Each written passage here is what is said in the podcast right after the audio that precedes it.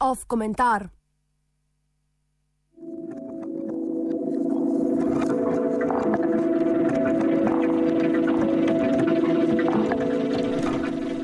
Janša ni Messi, Janša je Pepe.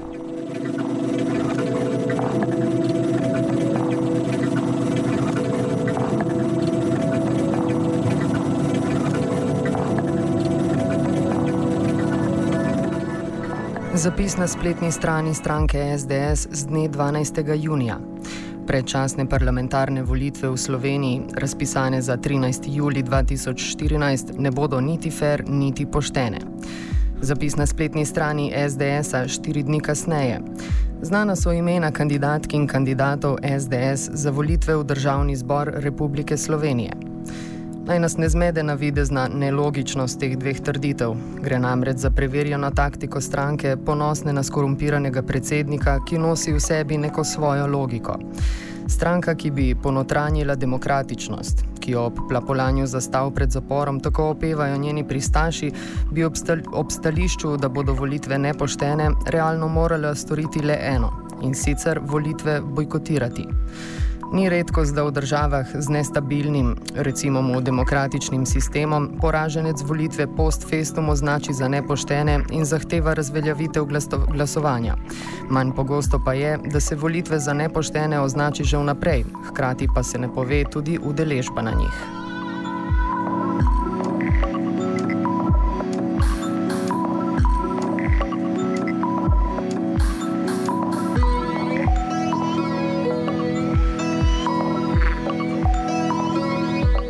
Zakaj torej SDS pristaja na sodelovanju na v navednicah nepoštenih volitvah in v predvolilni kampanji, o kateri pristranski mediji nepošteno poročajo?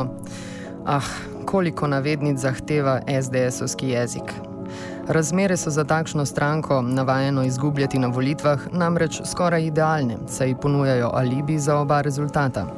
Če bo 13. julija dosegla visoko podporo, bo to herojski podvig v posmeh totalitarnim intervencijam tranzicijske levice in njenim poskusom eliminacije političnega nasprotnika. V primeru, da bo rezultat slab, pa, razlog, razlog, pa bo razlog za to spet totalitarne intervencije tranzicijske levice in eliminacija političnega nasprotnika da bi njeni voljivci in voljivke prepoznali to politikansko igro kot želitev njih samih, saj jih lastna stranka tako rekoč sili legitimirati nepoštene volitve, presega slovenski politični realizem.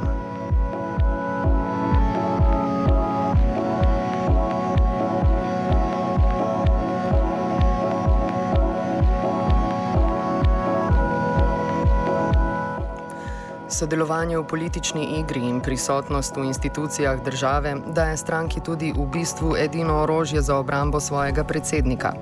Janšo bodo grosupeljčani in grosupeljčanke na volitvah nedvomno izvolili za poslanca, komu bo državni zbor po izvolitvi najverjetneje oduzel mandat.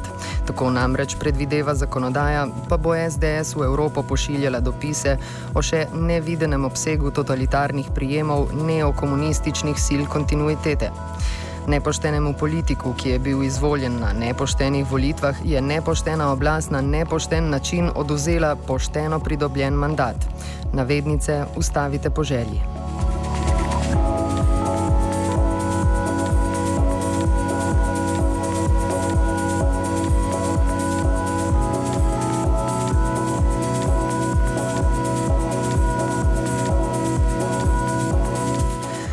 Biti del politične elite pa zagotavlja tudi stalno medijsko prisotnost, s čimer si je SDS medije končno lepo odredila.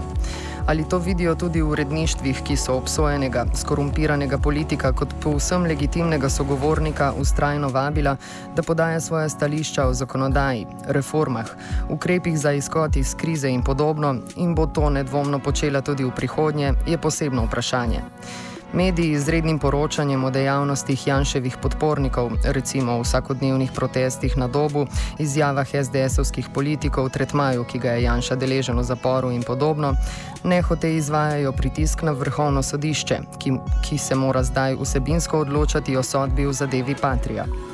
Vprašajmo se, Ali bi bil pritisk, medijski ali ulični, na vrhovno oziroma ustavno sodišče enak tudi v primeru, da bi bila SDS minorna stranka, Janša pa ne bi kandidiral ali bil izvoljen za poslanca?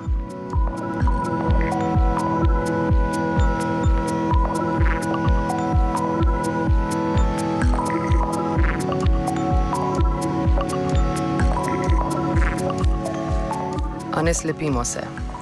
Vse slovenske in evropske zastave pred zaporom, vsa ogorčenost množice zaradi odhoda Janša v zapor in vse solze njegove žene imajo namreč le eno funkcijo: da nas prepričajo, da Janša v zapor ni želel. Odhod v zapor bi bil za vsakogar kriza.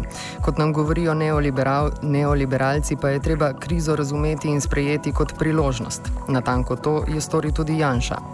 Zato tudi ni vložil predloga za odlog izvršitve zaporne kazni pod pretvezo, da ne bo nikogar ničesar prosil. Janša si je zapora želel, bolj natančno želel si je posnetkov njegovega odhoda v zapor. Razmišljanje je povsem logično. Če bo vrhovno sodišče sodbo potrdilo, mu zapor itak ne uide. Če bo v roku nekaj tednov, morda še pred volitvami, sodišče sodbo ovrglo, pa bo na krivičnosti, katere žrtev je bil, jahal vse do političnega orgazma. Ta ejakulacija kritik na račun sodstva, levice, medijev, skratka vsega, kar ni SDS, pa bo brez skrbi dosegla biblične razsežnosti in trajala večno.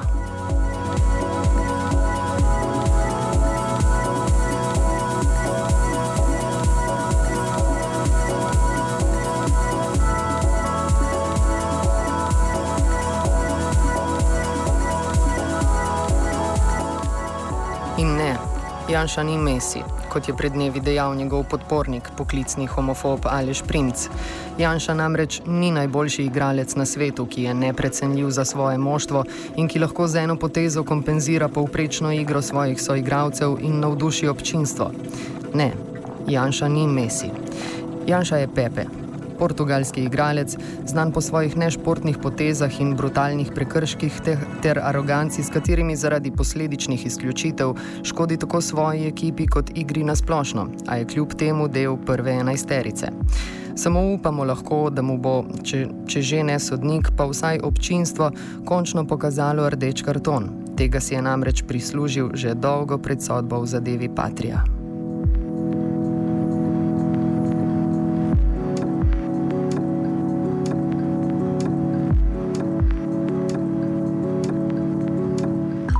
Komentiral je Boris Vasev.